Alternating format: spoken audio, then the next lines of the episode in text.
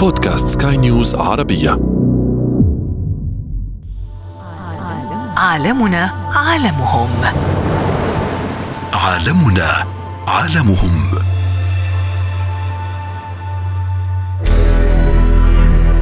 أشجار القرن لها أهمية كبيرة في الحفاظ على سواحل الدولة.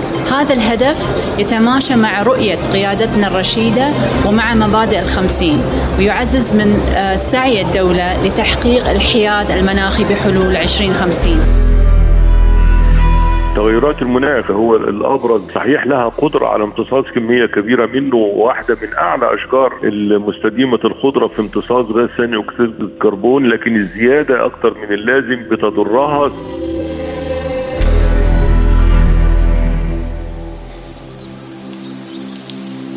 النباتات الساحلية والمحميات الطبيعية محميات طبيعية تقوم بأدوار متنوعة لحماية عالم مهدد بالانقراض حيوانات وطيور وأسماك. نباتات حاضنة لبيئات متنوعة ينمو فيها وبها ومنها أنواع مختلفة من الأسماك والطيور وبالتالي الحيوانات. برز دور الإمارات في حماية البيئة من خلال المحميات الطبيعية التي تحتضن كائنات مهددة بالانقراض. ونتحدث هنا عن مخاطر تحدق بأنواع مختلفة من النباتات. وإذا حدث خلل سيكون الخلل في التوازن البيئي حاضرا. إذا تضررت أنواع من الأشجار التي تعتبر مصدرا هاما لغذاء أنواع من الطيور التي تتغذى عليها حيوانات وحشرات. وبعض الحيوانات تتغذى على أسماك وهنا يبرز دور الأشجار التي تمثل بيئة كاملة متكاملة في الحفاظ على التوازن البيئي. دولة الإمارات رفعت راية الحفاظ على البيئة منذ سنين قولا وفعلا وعملت على توظيف التقنيات الحديثة في مكافحة تدهور الأراضي الحاضنة لعدد كبير من الأشجار. نجحت الإمارات من خلال استخدام الطائرات بدون طيار في نثر بذور أشجار المنجروف لزيادة أعدادها بالإضافة إلى برامج متنوعة لإعادة تأهيل الموائل البرية. في أبو ظبي كثفت الإمارة جهودها وعملت على تنفيذ مركز المصادر الوراثية النباتية أو ما يسمى بنك الجينات من أجل الحفاظ على التنوع البيولوجي النباتي. وعن مبادئ الخمسين الخاصة بدولة الإمارات وكيفية الحفاظ على النظم البيئية تتحدث وزيرة التغير المناخي والبيئة الإماراتية مريم بنت محمد المهيري. أشجار القرن لها أهمية كبيرة في الحفاظ على سواحل الدولة. هذا الهدف يتماشى مع رؤية قيادتنا الرشيدة ومع مبادئ الخمسين ويعزز من آه، سعي الدولة لتحقيق الحياد المناخي بحلول 2050 ويؤكد على دور دولة الإمارات البارز عالميا في تحفيز العمل المناخي والحفاظ على النظم البيئية للكربون الأزرق. 49 منطقة محمية التي تمثل زهاء 15% من أراضي الدولة ووضح دور الإمارات من خلال وزارة البيئة والتغير المناخي على تحديث الاستراتيجية الوطنية لمكافحة التصحر للحفاظ على النظم البيئية. ليس هذا فحسب بل أطلقت الوزارة تطبيق جراس ليعزز من مشاركة المجتمع بضرورة الحفاظ على الغطاء النباتي والموائل الطبيعية. عالمنا عالمهم. عالمنا عالمهم أهلا بكم مستمعينا الكرام في حلقة جديدة من برنامج عالمنا عالمهم. حلقة اليوم سنتحدث عن النباتات الساحلية والمحميات الطبيعية وعن بعض الأشجار ومنها أشجار القرم أو ما يسمى بالمنجروف. نرحب في البداية بالدكتور نادر نور الدين أستاذ استصلاح الأراضي الزراعية والمياه بجامعة القاهرة. أهلا بك دكتور نادر. في البداية نريد أن نتحدث عن بعض المخاطر والتهديدات التي تهدد الكثير من النباتات والأشجار ومنها أشجار المنجروف. تغيرات المناخ هو هو الأبرز لأنه ارتفاع ثاني أكسيد الكربون هي صحيح لها قدرة على امتصاص كمية كبيرة منه واحدة من أعلى أشجار المستديمة الخضرة في امتصاص غاز ثاني أكسيد الكربون لكن الزيادة أكثر من اللازم بتضرها ثم ارتفاع مستوى سطح البحر إذا غمر الجذور التي تنمو إلى أعلى وليس إلى أسفل بتخنق هذه الأشجار. عشان كده بدأت بعض مدن البحر الأحمر تعاني من آه، انهيار في و, و ضمور وجفاف في أشجار المنجروف وبدأت أصدقاء البيئة في كل الدول العربية والخليجية يطالبون بإعادة زراعة اشجار المنجروف وأعتقد إن في مشروعين واعدين في كل من دولة الأمارات العربية 30 30 مليون شجرة قرم بحلول 2030 آه صحيح والمملكة العربية السعودية في دولة الإمارات أعلنوا عن 30 مليون شجرة على السواحل إيقاف أضرار موجات المد والجزر وفي المملكة العربية السعودية 400 مليون شجرة منجروف وفي مصر على سواحل وجزر البحر الأحمر أيضا إعادة تشجير أشجار المنجروف الهالكة. فيمكن ده يمكن ارتفاع مستوى سطح البحر وزيادة ارتفاعات غاز ثاني أكسيد الكربون. ثم طبعا بعض الأمور الأخرى زي رعي الحيوانات. دلوقتي صدر قرار في أغلب الدول العربية بمنع رعي الإبل على وجه الخصوص على أشجار المنجروف لأنها عادة بيكون شواطئ البحر بيئات صحراوية فال الحيوانات اللاحمة الطبيعية هي الإبل الأكثر نموا. طبعا الأغنام ما بتقدرش تطول شجرة المنجروف لأنها بيصل ارتفاعها ل 6 متر فبيبقى إنه صدر قرارات باعتبارها محميات بيئية ومنع تغذية الإبل وغيرها من من الحيوانات. سواء كانت برية أو لاحمة على أشجار المنجروف نظرا لقيمتها وأهميتها البحرية. وبالتالي بدأت موجة تشجير كبيرة لأشجار المنجروف في كل مدن وسواحل البحر الأحمر والمحيط الهندي وبعض الجزر اللي داخل المحيطات. وده ودي من الأمور المهمة جدا في هذه الفترات من تغيرات المناخ. طيب دكتور نادر الحديث عن المحميات، يعني نعلم بان هناك الكثير من المحميات التي تحتضن عدد كبير من الحيوانات ومن الطيور وأيضا الكثير من النباتات. كان هناك أيضا نتحدث عن محميات تلعب دور رئيس في الحفاظ على أنواع مهددة بالانقراض وتمتلك أيضا دولة الإمارات في هذا الحديث أيضا وفي هذا الصدد حوالي 49 أو 49 منطقة محمية تمثل 15% من أراضي دولة الإمارات. الحديث عن هذه المحميات إلى أي مدى من الممكن أن تؤثر على بشكل إيجابي بالطبع على حماية أشجار المنجروف؟ لأنه من يعني العديد من دول أو من مدن السواحل البحر الأحمر والمحيط الهندي وفي الدول العربية على وجه الخصوص في دول الخليج والدول المطلة على البحر الأحمر زي مصر والأردن مثلا واليمن كان هناك أنواع عديدة بدأت تنقرض من الحيوانات وكان زي الغزال البري على وجه الخصوص مثلا زي بعض أنواع الذئاب ف بدأت الأمم المتحدة تطالب بالتوازن البيئي لأن الحيوانات دي متوازنة مع بعض في خلق متكامل كل واحد بيدي للتاني حاجة وبياخد منه حاجة تانية.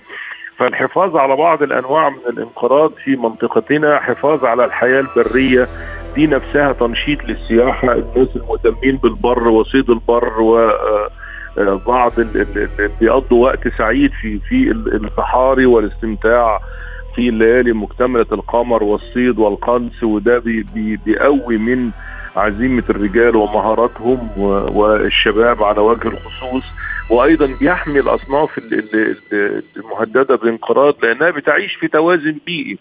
يعني مثلا في في الصين لما عملوا تجربة بأنهم يقضوا على القطط على سبيل المثال فإذا بالفئران تنتشر وتملأ الحقول في الصين لأنه العدو الأول في التوازن البيئي كان القطط وإن هي بتتغذى على الفئران انتشرت أيضا الزواحف والكبرى ومختلف أنواع التعابين لأن برضو كان اللي بتتغذى يعني لما كل ده كله نشطهم بدأت تهاجم الحقول. اذا لازم نفهم أن هناك توازن إحيائي أن هذا الكون متوازن. إذا دمرنا جزء فيه أو حيوانات بدأت تنقرض فمعناها انه حيوانات ثانية هتتوحش. أو هتتحول إلى آثار ضارة أو هنفقد المتعة بمنظرها الجميل زي الغزال زي الزراف كل دي كمان بتدي مناظر جميلة وبتدي مردود سياحي في زي ما قلنا رحلات صيد البر أو رحلات الصيد بوجه خصوص. فاذا هنا المحميات الطبيعية لها أهميتها ومنها المناطق اللي فيها أشجار المنجروف إن نظرا لكان إن تغيرات المناخ في العشرين سنة اللي فاتت أثرت كتير على نمو أشجار المنجروف وعدم الاهتمام وعدم إدراك فيظهر دور المحميات الطبيعية.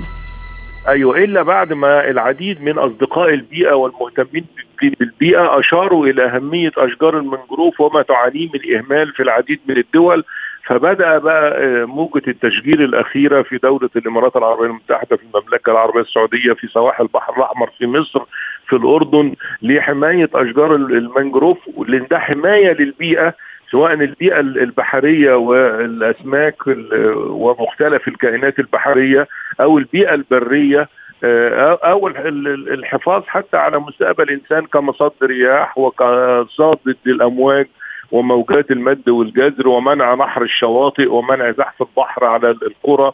والمدن المجاورة فكل ده كان انه قد إيه أهمية المحميات الطبيعية للحفاظ على العديد من الأصناف المهددة بالانقراض اللي منها أشجار المنجروف أو من أهمها أشجار المنجروف. طيب آه، آخر نقطة دكتور نادر آه، عن آه، ما يسمى بالنظام أو النظم البيئية الكربونية الزرقاء أو النباتات الساحلية مثل غابات القرم والمنجروف والمستنقعات المالحة ومروج أيضا الأعشاب البحرية.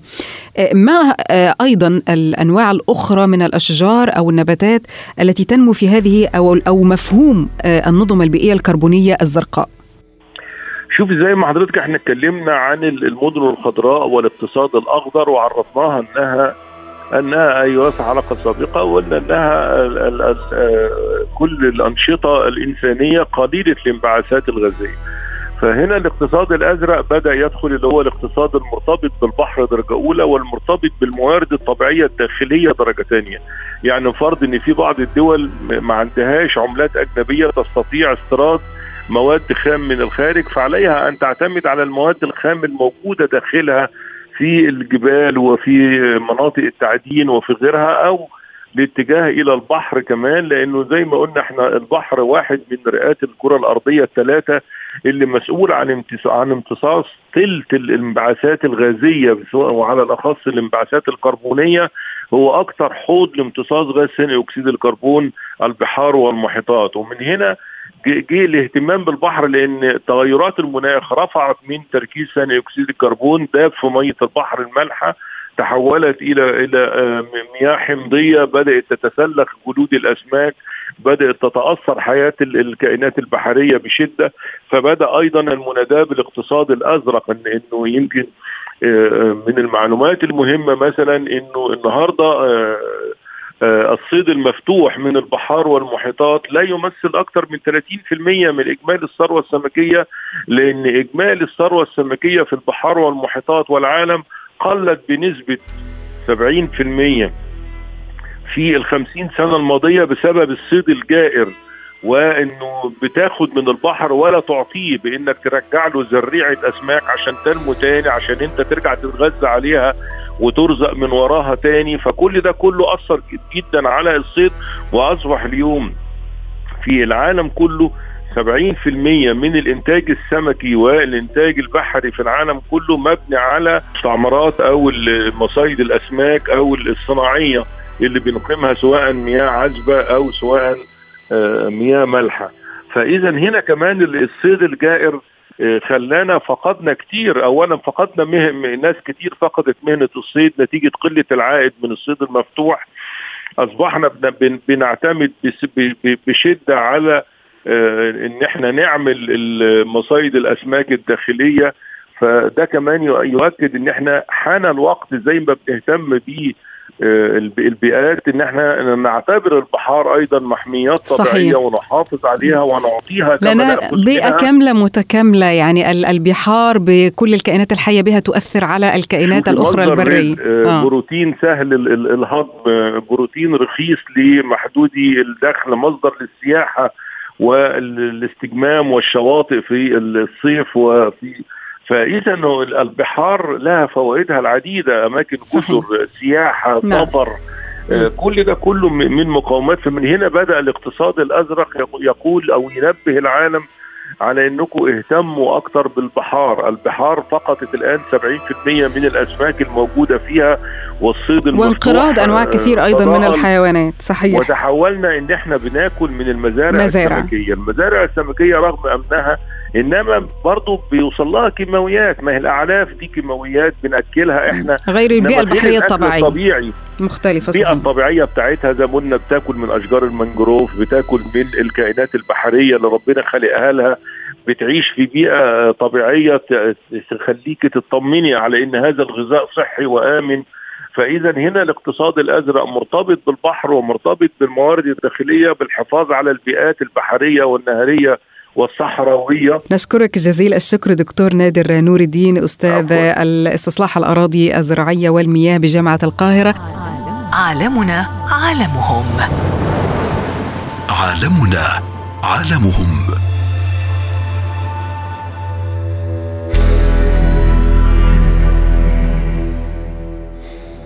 نباتات وطيور وحيوانات مهددة بالانقراض. ويبرز دور المحميات الطبيعية التي تساعد على حمايتها. الدول تنتفض من أجل حماية البيئة وكوكب الأرض من تغيرات مناخية تتسبب في انهيار النظام البيئي وكائناته. عالمنا عالمهم. يتفاعل مع القضايا التي تنشر الوعي المجتمعي بأهمية الحفاظ على كوكبنا وعالمنا. كان معكم في هذه الحلقة في الإعداد والتقديم من لبنى الخولي وفي الإخراج إيدي طبيب. انتظرونا في عالمهم عالمنا. عالمنا عالمهم. عالمنا عالمهم.